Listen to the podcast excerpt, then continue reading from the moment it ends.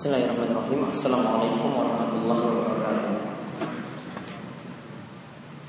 Innal hamdalillah nahmaduhu wa nasta'inuhu wa nastaghfiruh wa na'udzu billahi min shururi anfusina wa min sayyiati a'malina.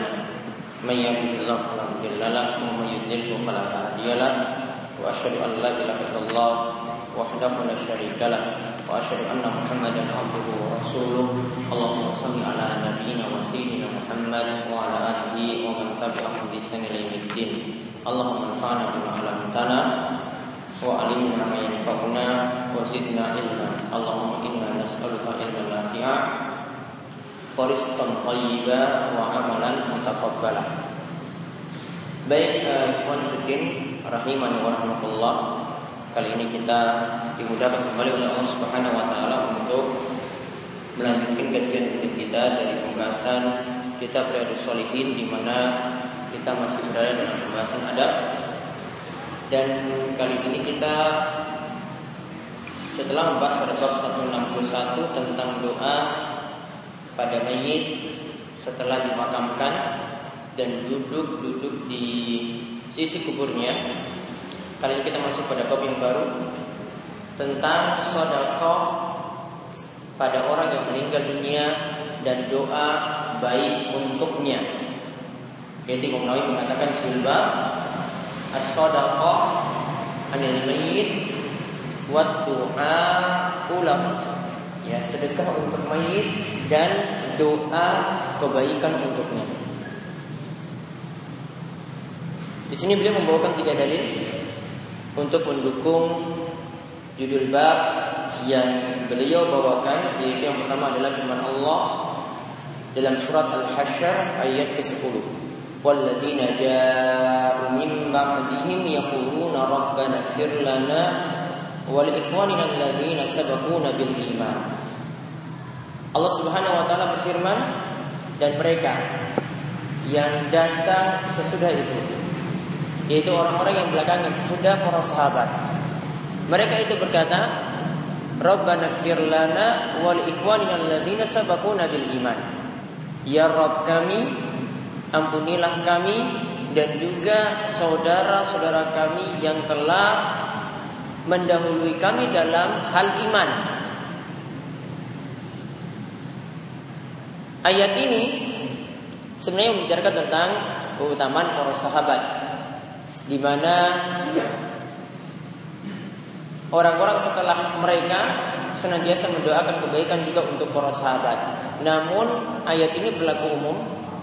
Ya bisa kita maknakan apa yang dimaksudkan oleh Imam Nawawi dalam judul bab itu tentang masalah doa bahwasanya doa siapa pun yang ditujukan bagi orang yang meninggal dunia itu adalah doa yang nanti akan nyampe kepada si mayit. Ya karena di sini dikatakan orang-orang setelahnya berdoa Rabbana fir lana wal ikhwanina alladzina sabaquna bil iman.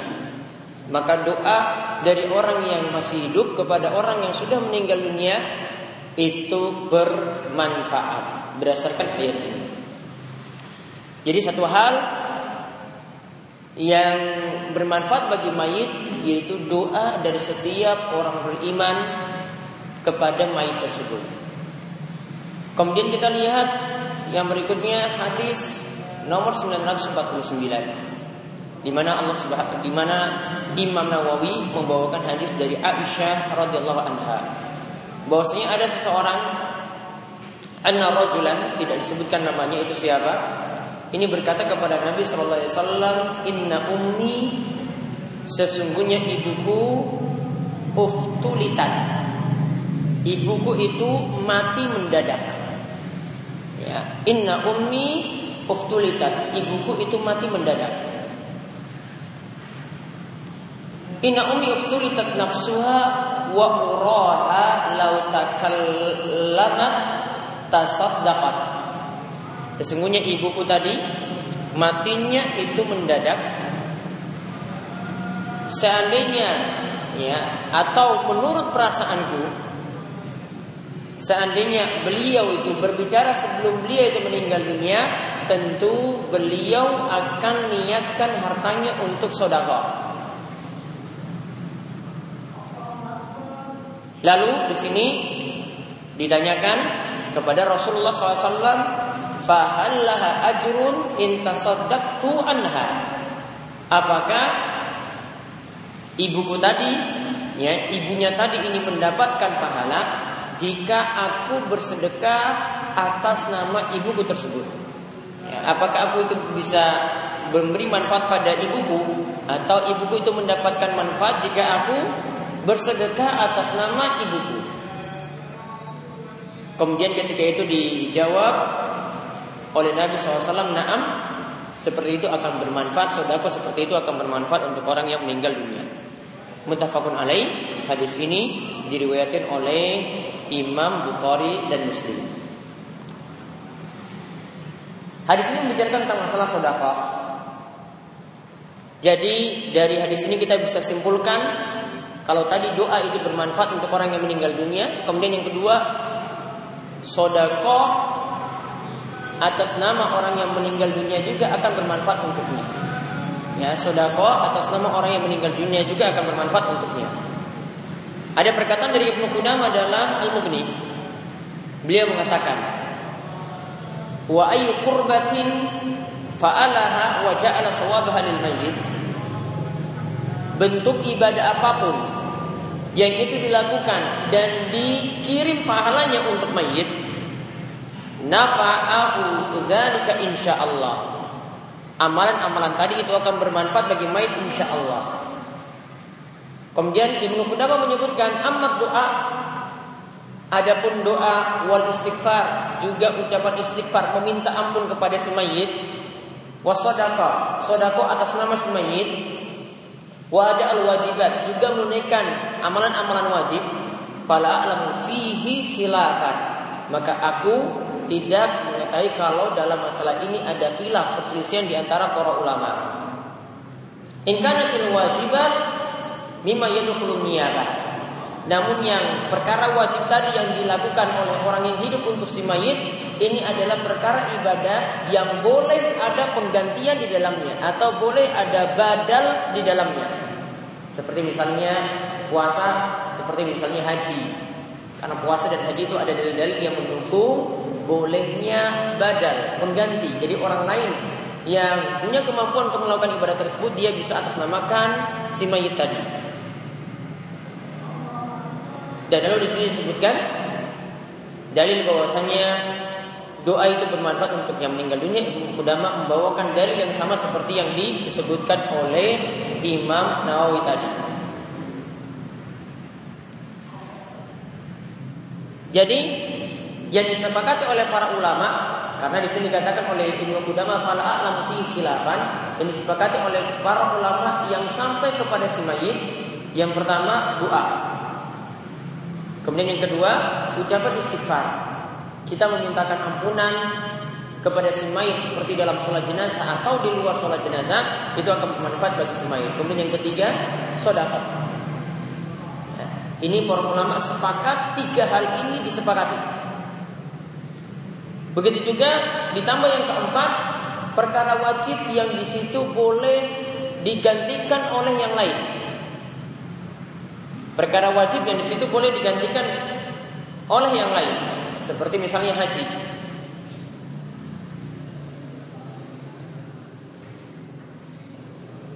Juga dalam hal puasa, puasa nazar ataupun puasa wajib secara umum boleh digantikan oleh yang lain.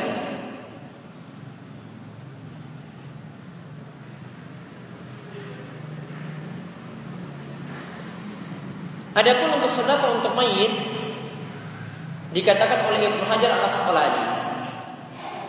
Ya, dikatakan oleh Ibnu Hajar al Asqalani dalam Fathul Bari. Beliau mengatakan bahwasanya dalam hadis ini terdapat faedah bolehnya sodako atas nama si mayit.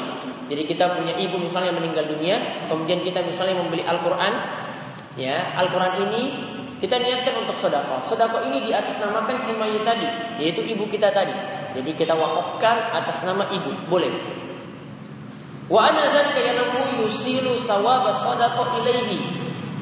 Dan seperti ini pahalanya itu bermanfaat. Nanti akan sampai pahalanya kepada orang yang meninggal dunia tadi. Wala siyama in kana minal walad. Lebih-lebih lagi kalau yang mengirim pahala sedekah ini adalah anaknya sendiri. Berarti sebenarnya Ibnu Hajar ingin mengatakan siapa pun yang memberi manfaat lewat sodakoh kepada orang yang meninggal dunia akan bermanfaat. Dia atas namakan sodakoh ini atas nama orang yang meninggal dunia. Misalnya ada seorang pembantu dengan majikannya, ini tidak ada hubungan keluarga. Namun dia sodakohkan hartanya ini atas nama majikannya yang meninggal dunia, maka itu akan bermanfaat. Kata Ibnu Hajar lebih-lebih lagi kalau anak. Bahkan di sini kata Ibnu Hajar, anak sendiri ini dikhususkan dari dalil yang sifatnya umum yaitu dalam surat An-Najm ayat ke 39 wa alaysa lil insani illa masa'a yaitu Allah katakan manusia tidak akan mendapatkan manfaat kecuali apa yang dia usahakan. Dan anak keluar dari keumuman ya anak ini keluar dari keumuman ayat ini. Artinya anak bisa memberikan manfaat kepada orang tuanya. Bisa lewat sodakoh, ya bisa juga lewat doa yang khusus pada orang tua yang nanti kita akan bahas pada hadis berikut. Kemudian Imam Nawawi juga mengatakan bahwasanya dari hadis ini juga sodakoh yang di atas namakan si itu bermanfaat bagi si dan pahalanya itu bermanfaat untuknya. Bahkan Imam Nawawi mengatakan sodako yang dikirim pada si mayit atau di atas namakan si mayit ini dibolehkan berdasarkan kesepakatan para ulama. Bi ijma'il ulama. Begitu juga para ulama kata Imam Nawawi sepakat bahwasanya doa itu bisa sampai kepada orang yang meninggal dunia. Begitu juga menunaikan utang juga bisa sampai kepada orang yang meninggal dunia karena ada nas-nas al-waridah fil jami'. Karena hal-hal tadi semuanya itu ada dalilnya. Begitu juga haji, yaitu haji yang di atas namakan orang yang meninggal dunia juga bermanfaat. Begitu pula jika orang yang meninggal dunia itu mewasiatkan untuk menghajikannya untuk haji yang sunnah juga sah menurut pendapat yang paling kuat dalam mazhab Syafi'i. Yang dibedakan di sini, ya kata Imam Nawawi, yang dibedakan oleh para ulama atau terdapat perselisihan di antara para ulama yaitu dalam masalah puasa. Jika orang yang meninggal dunia tadi membawa utang puasa, maka kata Imam Nawawi yang lebih kuat tetap untuk utang puasa ini boleh dibayarkan oleh orang yang masih hidup. Karena ada hadis sahih yang mendukung hal ini. Lalu Imam Nawawi menyebutkan wal masyhur fi madhabina. Pendapat yang paling masyhur. Kalau dikatakan paling masyhur ya, itu berarti perselisihannya tidak kuat. Ya, perselisihannya tidak kuat. Barangkali nanti ada pendapat dari mazhab Syafi'i, dari ulama Syafi'i yang menyelisih pendapat ini, namun pendapat ini tidaklah kuat. Pendapat yang disebutkan di sini kalau dikatakan wal masyhur fi madhabina pendapat yang paling masyhur dalam mazhab kami kata Imam Nawawi anna qira'atul Qur'ani la yasiluhu sawabuha untuk bacaan Al-Quran tidaklah sampai kepada mayit. Ini yang digariskan yang ditetapkan oleh pendapat masyhur dalam mazhab Syafi'i. Walaupun Imam Nawawi mengatakan setelah itu waqala jamaah min ashabina. Namun ada sekelompok ulama dari mazhab Syafi'i yang mengatakan pahalanya juga sampai kepada orang yang meninggal dunia. Namun di awalnya Imam Nawawi mengatakan apa? Masyhur fi madhabina. Ya, menurut pendapat yang masyhur dalam mazhab Syafi'i, ya pahala bacaan Al-Qur'an itu tidak sampai kepada si mayit. Namun yang mengatakan sampai tadi sebagian ulama Syafi'iyah ya. Kemudian juga Imam Nawawi katakan ini juga dikatakan oleh Imam Ahmad bin Hambal. Imam Ahmad bin Hambal itu menyatakan bahwasanya bacaan Al-Qur'an itu sampai pada si mayit. Ya. Jadi kalau yang mengatakan bahwasanya pala bacaan Al-Qur'an itu bermanfaat bagi si mayit, ya dia sebenarnya mengikuti mazhab Hambali.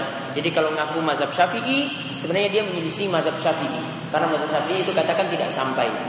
Ya. Jadi selain dalam satu sisi ya mereka menyimpang dari mazhab Syafi'i karena ikut mazhab Hambali padahal katanya ya mazhab mereka sendiri ya sangat konsekuen sekali dengan mazhab Syafi'i itu tadi. Padahal ini adalah pendapat dari mazhab Ahmad bin Hambal, mazhab Hambali. Adapun Imam Nawawi katakan adapun untuk salat wasairu ta'at dan amalan-amalan ibadah yang lainnya. Fala tasiluhu indana wala indal jumhur. Maka untuk amalan-amalan seperti ini salat pahalanya itu kalau dikirim kepada si mayit itu tidaklah sampai. Demikian juga pendapat dari jumhur ulama atau mayoritas ulama. Sedangkan menurut Imam Ahmad, yasilu sawab al jami kal haj. seluruh amalan kalau dikirimkan untuk si mayit itu sebagaimana dengan haji itu akan sampai pada si mayit tersebut. Namun Allah pendapat yang lebih kuat dalam hal ini pendapat yang dipegang dalam mazhab Syafi'i, ya, pahala suatu amalan itu kita bisa katakan nyampai kepada si mayit itu kalau ada dalil. Ya, ini yang jadi prinsip mazhab Syafi'i. Ya, kalau tidak ada dalil, ya, maka kembali kepada firman ayat wa alaisa lil insani illa masa'a. Manusia cuma mendapatkan apa yang ia manfaatkan. Dan kemudian nanti yang kita bahas dalam hadis selanjutnya, ya dalam hadis selanjutnya nanti akan kita lihat cuma amalan-amalan tertentu saja yang nanti bermanfaat pada si mayit dan di sini nanti digunakan kalimat batasan. Berarti yang diinginkan oleh syariat ini bukanlah seluruh amalan amalan namun cuma amalan-amalan tertentu saja yang bisa kita katakan sampai pada orang yang meninggal dunia. Adapun yang disepakati tadi nyampainya ada di situ sodakoh, kemudian doa, kemudian huh? ucapan istighfar. Ya dan tadi untuk amalan-amalan wajib itu ada sebagian yang di mana amalan wajib ini bisa digantikan oleh yang lainnya, jadi kita bisa katakan bermanfaat bagi semuanya. Kemudian faedah lagi dari hadis ini, hadis ini menunjukkan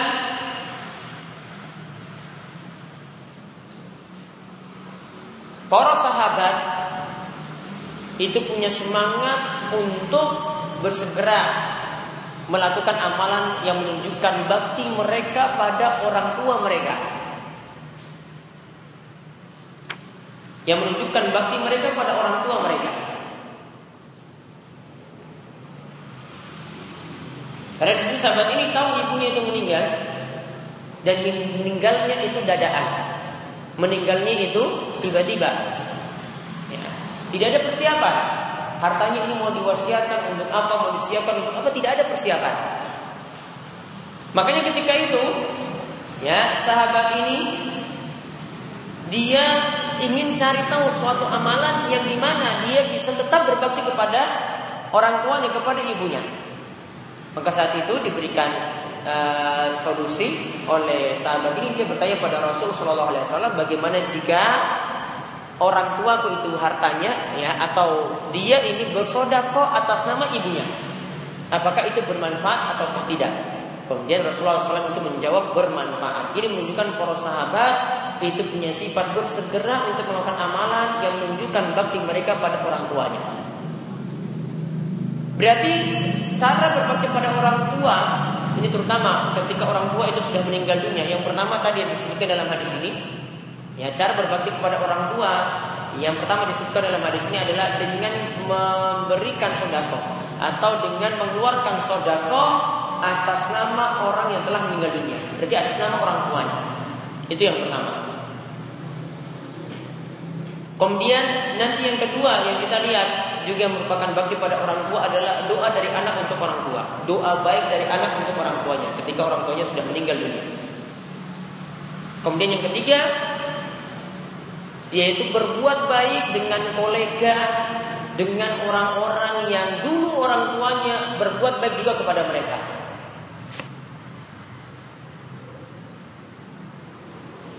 Sebagaimana disebutkan dalam suatu hadis. Ini lihat praktek para sahabat. Ini juga disebutkan sebenarnya dalam kitab dari Solihin ketika pembahasan bakti pada orang tua ya yaitu ada perintah untuk berbakti kepada Imam Nawawi membuat judul bab berbakti kepada orang-orang yang punya hubungan baik dengan orang tua kita. Ada kisah yang disebutkan yaitu dari Abdullah bin Dinar, dari Abdullah bin Umar. Bahwasanya ada seseorang dari Arab Badui itu menemui Ibnu Umar. Menemuinya di jalan. Yaitu di jalan di Mekah Fasalam alaihi Abdullah bin Umar. Uh, Abdullah bin Umar kemudian menyalaminya, mengucapkan salam untuknya. Wahamalahu ala himar. Kemudian orang ini yang mengucapkan salam untuk Abdullah bin Umar, dia naikkan di atas hewan tunggangannya. Jadi Ibnu Umar itu punya hewan tunggangan, ya. Ibnu Umar naikkan orang ini di atas hewan tunggangannya. Kemudian wa'atahu imamah. Kemudian saat kala itu Ibnu Umar kasih imamah untuk orang tersebut pakai. Jadi imam yang ada di kepala Ibnu Umar dia serahkan kepada orang tersebut. Kemudian Ibnu Dinar itu mengatakan falqulna lahu. Ya, Abdullah bin Dinar itu mengatakan kepada Ibnu Umar, As aslahakallahu innahum al-a'rab. Wa hum yarduna bil yasir. Abdullah bin Dinar ini katakan kepada Abdullah bin Umar, kok dia melakukan kepada Arab Badui seperti ini? Abdullah bin Dinar itu katakan kepadanya, semoga Allah itu memberikan kebaikan untukmu. Sesungguhnya ini adalah seorang Arab Badui. Orang Arab Badui itu bukan seperti orang kota. Dia sudah terbiasa dengan sesuatu yang sederhana, sesuatu yang sedikit, yang biasa-biasa saja sudah sudah menganggap itu istimewa. Maka kenapa Ibnu Umar memperlakukan lebih seperti itu. Kemudian Abdullah bin Umar itu mengatakan, Inna abahada. Sesungguhnya bapak orang ini. Jadi orang yang lewat tadi yang dia naikkan di atas hewan tunggangannya, ini bapaknya dulu. Ya, ini bapaknya dulu, bukan orang ini, namun bapaknya dulu. Karena waddan li Umar bin Al Khattab. Bapaknya dulu itu teman baik dengan Umar bin Khattab.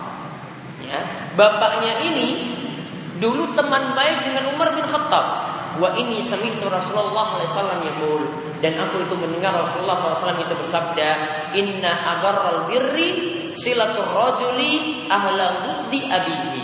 Sesungguhnya di antara bentuk berbuat baik yaitu berbuat baik kepada orang tua adalah menjalin hubungan dengan orang-orang yang punya hubungan baik dengan orang tuanya. Ya, sesungguhnya di antara bentuk berbuat baik kepada orang tua Ya, sesungguhnya di antara bentuk berbuat baik kepada orang tua yaitu bentuknya adalah tetap menjalin hubungan baik dengan orang-orang yang punya hubungan baik dengan orang tua. Makanya sampai Abdullah bin Umar mengistimewakan orang ini ya karena bapaknya dulu adalah teman baik atau orang yang dekat dengan bapaknya Abdullah bin Umar yaitu Umar bin Khattab. Padahal tidak secara langsung ya Harusnya kan dia cukup Abdullah bin Umar ini berbuat baik dengan bapaknya. Namun dengan anaknya pun masih berbuat baik. Masya Allah, para sahabat itu mempraktekkan sabda Nabi SAW itu lebih daripada yang Nabi SAW itu perintahkan. Seharusnya ketemu bapaknya saja baru melakukan seperti itu. Namun anaknya pun dia masih tetap berbuat baik kepada anaknya tadi. Dan Imam Nawawi mengatakan bahwasanya dari hadis ini ini adalah keutamaan yang menunjukkan uh, kalau seorang itu berbuat baik tetap menjalin hubungan baik dengan teman-teman dekat bapaknya kemudian memuliakannya berbuat baik untuknya dan ini termasuk bentuk berbuat baik kepada bapaknya itu sendiri ataupun menghormati orang tuanya itu sendiri. Nah ini yang bisa kita lihat dari hadis Aisyah tadi tentang seseorang yang ibunya itu mati tiba-tiba. Dan ada satu pelajaran lagi dari hadis ini Hadis ini menunjukkan tentang masalah wasiat. Ya. Hadis ini menunjukkan tentang masalah wasiat walaupun tidak ditunjukkan secara langsung. Ya. Seandainya ibunya ini tidak mati tiba-tiba, ya, tidak mati dadaan, tentu saja ibunya itu sudah buat wasiat. Yang tadi anaknya itu katakan, seandainya ibuku itu masih hidup dan dia itu mau ngomong, mau berbicara, tentu ibuku akan gunakan hartanya untuk sodako. Para ulama katakan bahwasanya ini tanda ya seseorang itu hendaknya bisa berwasiat jauh-jauh hari ya menulis wasiat terhadap hartanya hartanya ini untuk siapa untuk siapa dan seterusnya jauh-jauh hari dan Abdullah bin Umar ketika mendengar hadis-hadis tentang masalah wasiat tatkala dia mendengar hadis tersebut lantas beliau itu menulis wasiat ya di malam hari saat dia mendengar hadis tadi Ya, saat di malam hari ketika dia mendengar hadis tentang masalah wasiat, langsung dia tulis wasiat-wasiat yang mesti dia tulis ya dari harta-harta peninggalannya.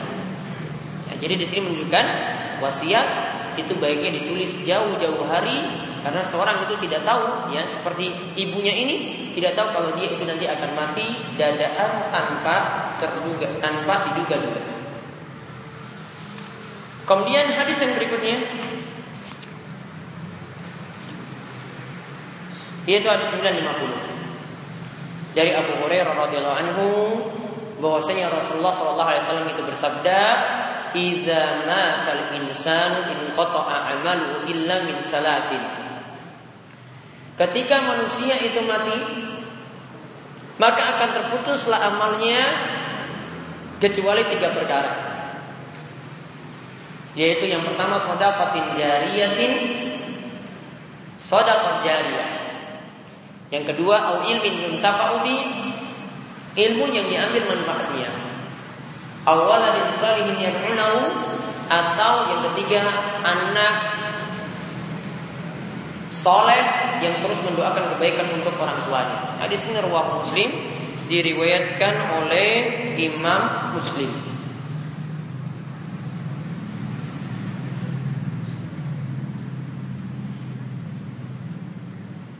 Ada beberapa faedah yang bisa kita ambil dari hadis ini. Yaitu yang pertama tentang masalah judul bab yang dibawakan oleh Imam Nawawi. Bahwasanya beliau katakan Judulnya judul bab yang boleh bawakan adalah tentang sodako atas nama si mayit dan juga doa untuknya. Sodako atas nama si mayit dan doa untuknya. Hadis ini mencakup judul itu secara langsung. Tentang masalah doa untuk si mayit dijelaskan dalam hadis ini yaitu doa dari anak untuk orang tuanya. Kemudian hadis ini juga menunjukkan adanya syariat sodako yang boleh di atas namakan orang yang meninggal dunia. Dan di sini disebutkan adalah sodakotin jariyah, sodako jariyah.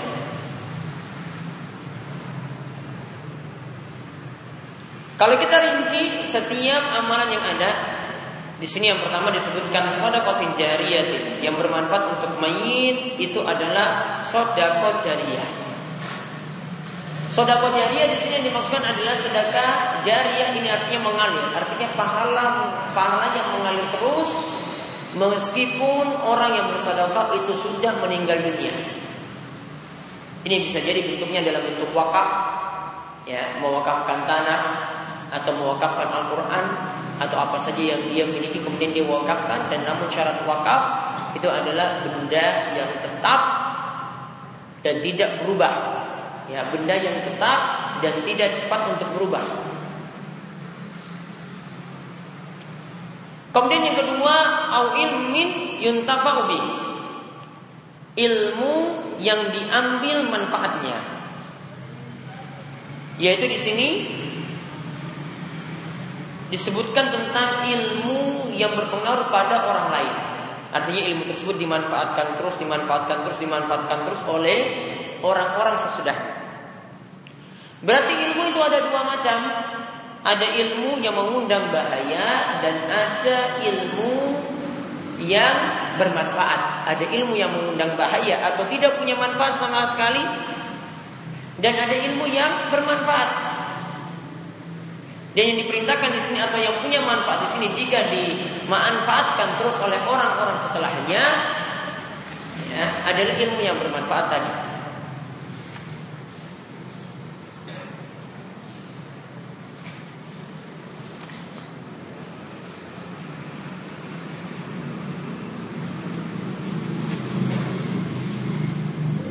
Kemudian yang terakhir disebutkan awaladin salihun yad'ulahu.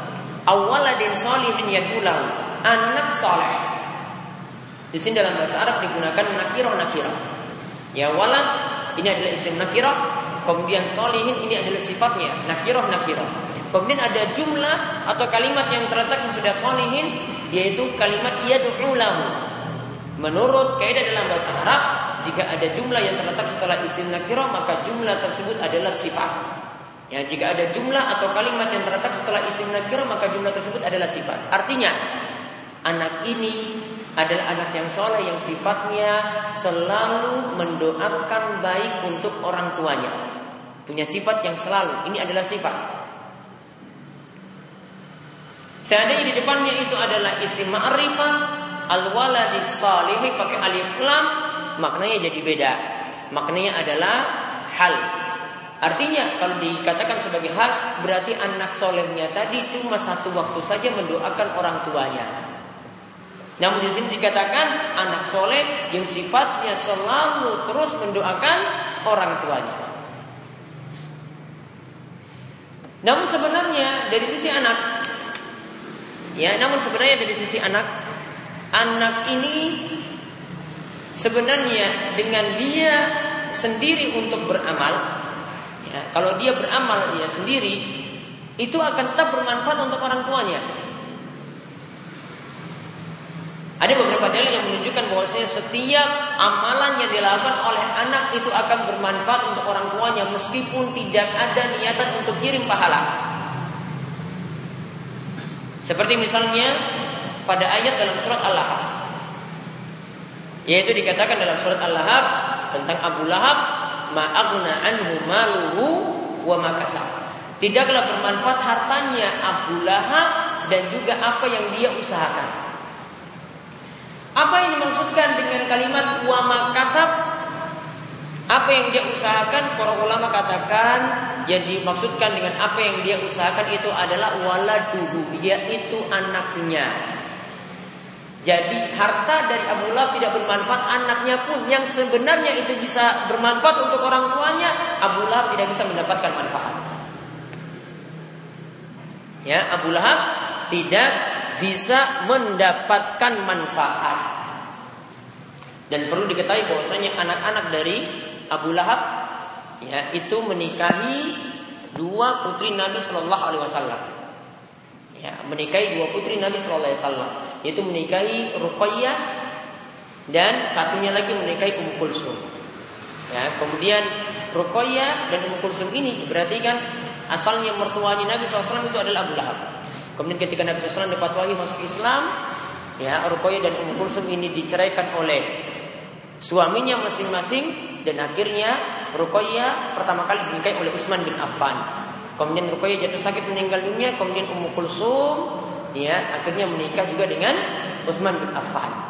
Ya, berarti janda dari dua anak atau dua putra dari Abu Lahab. Itu menikah ya menikah dengan Utsman bin Affan. Sehingga Utsman bin Affan itu disebut dengan Zunnurain pemilik dua cahaya. Asalnya anak-anaknya dari Abu Lahab ini bermanfaat untuk bapaknya. Namun di sini tidak bermanfaat di dalam ayat ini difonis anaknya sendiri tidak bisa memberikan manfaat untuk orang tuanya. Padahal sebenarnya anak bisa memberikan manfaat untuk orang tua. Dalam ayat yang lain disebutkan wa alaysa lil insani illa dalam surat An-Najm ayat 39 yang telah kami sebutkan tadi, ya bahwasanya seseorang tidaklah mendapatkan manfaat kecuali apa yang dia usahakan. Kemudian dalam hadis disebutkan wa inna waladahu min kasbihi.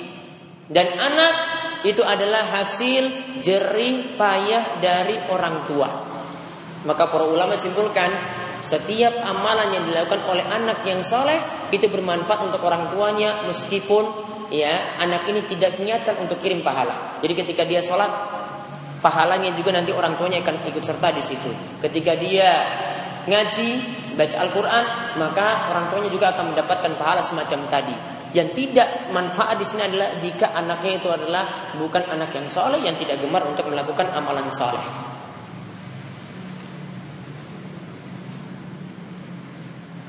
Kemudian dari hadis ini juga tentang masalah wa ilmin yuntafa'u Ya, tentang masalah wa ilmin yuntafa'u yaitu ilmu yang diambil manfaatnya.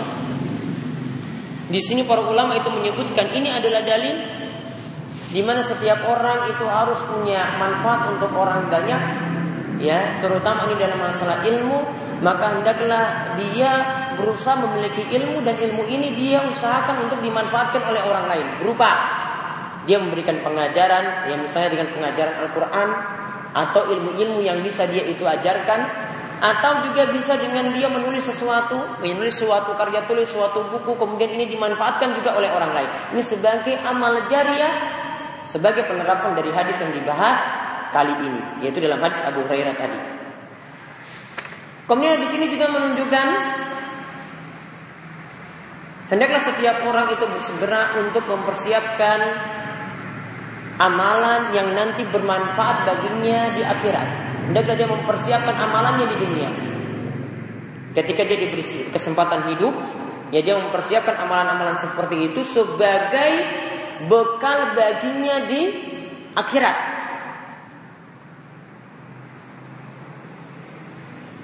Sebagaimana dikatakan oleh Al-Qurtubi. Dia mengatakan tiga hal yang disebutkan dalam hadis ini Ini adalah usulul khair wa aglabu ma yaksudu ahlul fadl baqa'uhu ba'dahu. Ini adalah pokok kebaikan yang di mana mayoritas kebaikan ada dalam hadis ini. Yang di mana kebaikan ini dimanfaatkan oleh orang-orang soleh, orang-orang mulia, dimanfaatkan oleh para ulama supaya amalannya langgeng setelah itu. Sedekah jariah amalannya langgeng setelah itu. Ilmu yang diambil manfaatnya amalannya langgeng setelah itu. Walaupun sudah meninggal dunia, ilmunya dimanfaatkan terus. Begitu juga dengan doa dari anak yang soleh.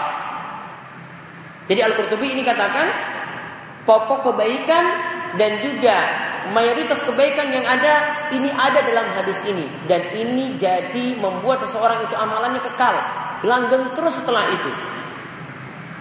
Seperti beliau menyebutkan sedekah jariah, sedekah jariah setelah mati ya, ini nanti bermanfaat baginya terus. Begitu juga yang namanya ilmu din, ilmu agama dengan dia itu mengajarkan orang lain atau dia itu menuliskan sesuatu dan dimanfaatkan lagi setelah itu, ini juga akan membuat dia serasa kekal. Begitu pula dengan doa yang dia peroleh dari anaknya ataupun dari orang lain setelah dia itu meninggal dunia. Kemudian yang terakhir, ya bagaimana kita bisa mendapatkan ya kemanfaatan semacam tadi ya, yaitu bisa mendapatkan sodako jariah. Kita sudah meninggal dunia namun ada yang terus mengalirkan pahala sodako untuk kita. Kemudian bisa mendapatkan ilmu yang bermanfaat yang dimanfaatkan terus setelah itu. Ya kemudian bisa mendapatkan doa dari orang lain. Intinya adalah banyaklah berbuat kebaikan kepada orang lain maka orang lain akan rela untuk memberikan sodako seperti tadi. Ya juga ilmu kita akan dimanfaatkan terus. Begitu juga doa-doa juga akan terbuka kepada kita ketika kita sudah meninggal dunia. Asalkan memberikan manfaat pada orang lain, maka tiga hal tadi akan terus kita dapat walaupun asalnya amalan-amalan kita sudah terputus. Oke, itu saja yang bisa kami sampaikan untuk kesempatan kali ini. Sebelum ditutup, monggo jika ada yang bertanya. Ya. Ya.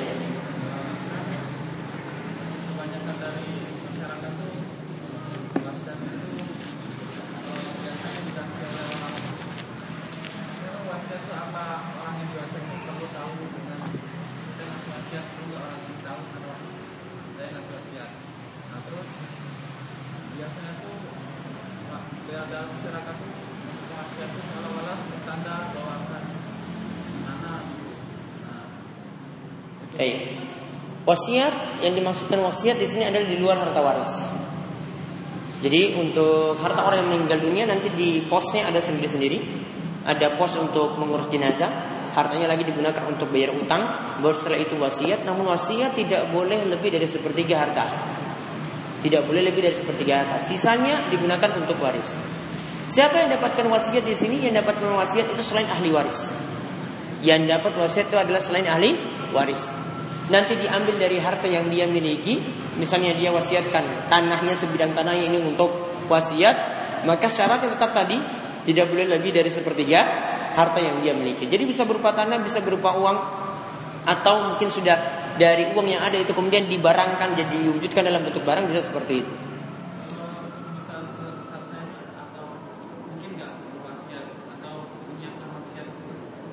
Kalau punya harta bisa untuk menyiapkan menyiapkan wasiat. Ada beberapa faedah orang-orang itu diperintahkan untuk nulis wasiat dari jauh. Yang pertama, dia tidak merubahnya dadaan. Ya, jadi ketika dia tulis wasiat saat ini, nanti besok lagi, ya dia bisa berubah lagi. Namun kalau dia tulisnya itu menjelang mati, ya menjelang mati nanti seolah-olah itu dadaan dan tidak ada persiapan ketika itu. Sebagaimana yang terjadi pada ibu dari yang dibicarakan dalam hadis Aisyah tadi. Ya, ada beberapa faedah yang disebutkan oleh uh, Syekh Abdul Rahman bin Nasir Asadi di antara yang saya, tadi saya sebutkan supaya tidak terburu-buru dalam mencatat waris semacam tadi. Ada lagi?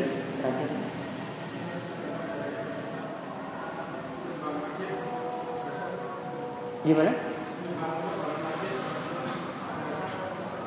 Iya, termasuk amal jariah. Termasuk sedekah jariah. Ini pahalanya mengalir selama tempat wudhunya tadi pada saatnya tadi digunakan. apabila buka puasa tadi kalau misal orang meninggal apakah buka puasa itu masih harus dibayarkan wajib dibayarkan atau Allah akan mengampuni? Para ulama jelaskan disunahkan untuk dibayarkan, tidak sampai wajib. Disunahkan untuk dibayarkan tidak sampai wajib, namun selaku anak atau selaku ahli waris tentu saja punya perhatian kepada orang tua yang masih punya utang. Maka ini menunjukkan juga bahwasanya orang yang masih punya utang puasa baiknya itu memberitahukan kepada kerabatnya, pada anak-anak ini saya punya utang puasa sekian sekian namun tidak bisa dijalankan. Ya biar keluarganya itu tahu. Nah intinya ahli warisnya yang menjalankan utang puasa tadi ya misalnya utang puasanya 10 hari ahli warisnya ada 5 maka masing-masing mempuasakan misalnya dua hari dua hari dua hari ya sampai 10 hari tadi akhirnya lunas jadi bisa berbarengan lima orang tadi untuk menjalankan utang puasa yang dimiliki misalnya oleh orang tuanya meninggal dunia. Sebenarnya pembahasan puasa itu nanti saya bahas di buku panduan Ramadan. Nanti ada kajiannya di kampus UGM tanggal 30 hari Sabtu ya akhir bulan nanti jam setelah sholat dulu sekaligus ada pembagian buku gratis. Ya itu saja yang bisa kami sampaikan. Mudah-mudahan bermanfaat. Ya dan kami cukupkan sekian. Subhanakallahumma bihamdika. Asyhadu an la ilaha illa anta astaghfiruka wa atubu ilaik. Assalamualaikum warahmatullahi wabarakatuh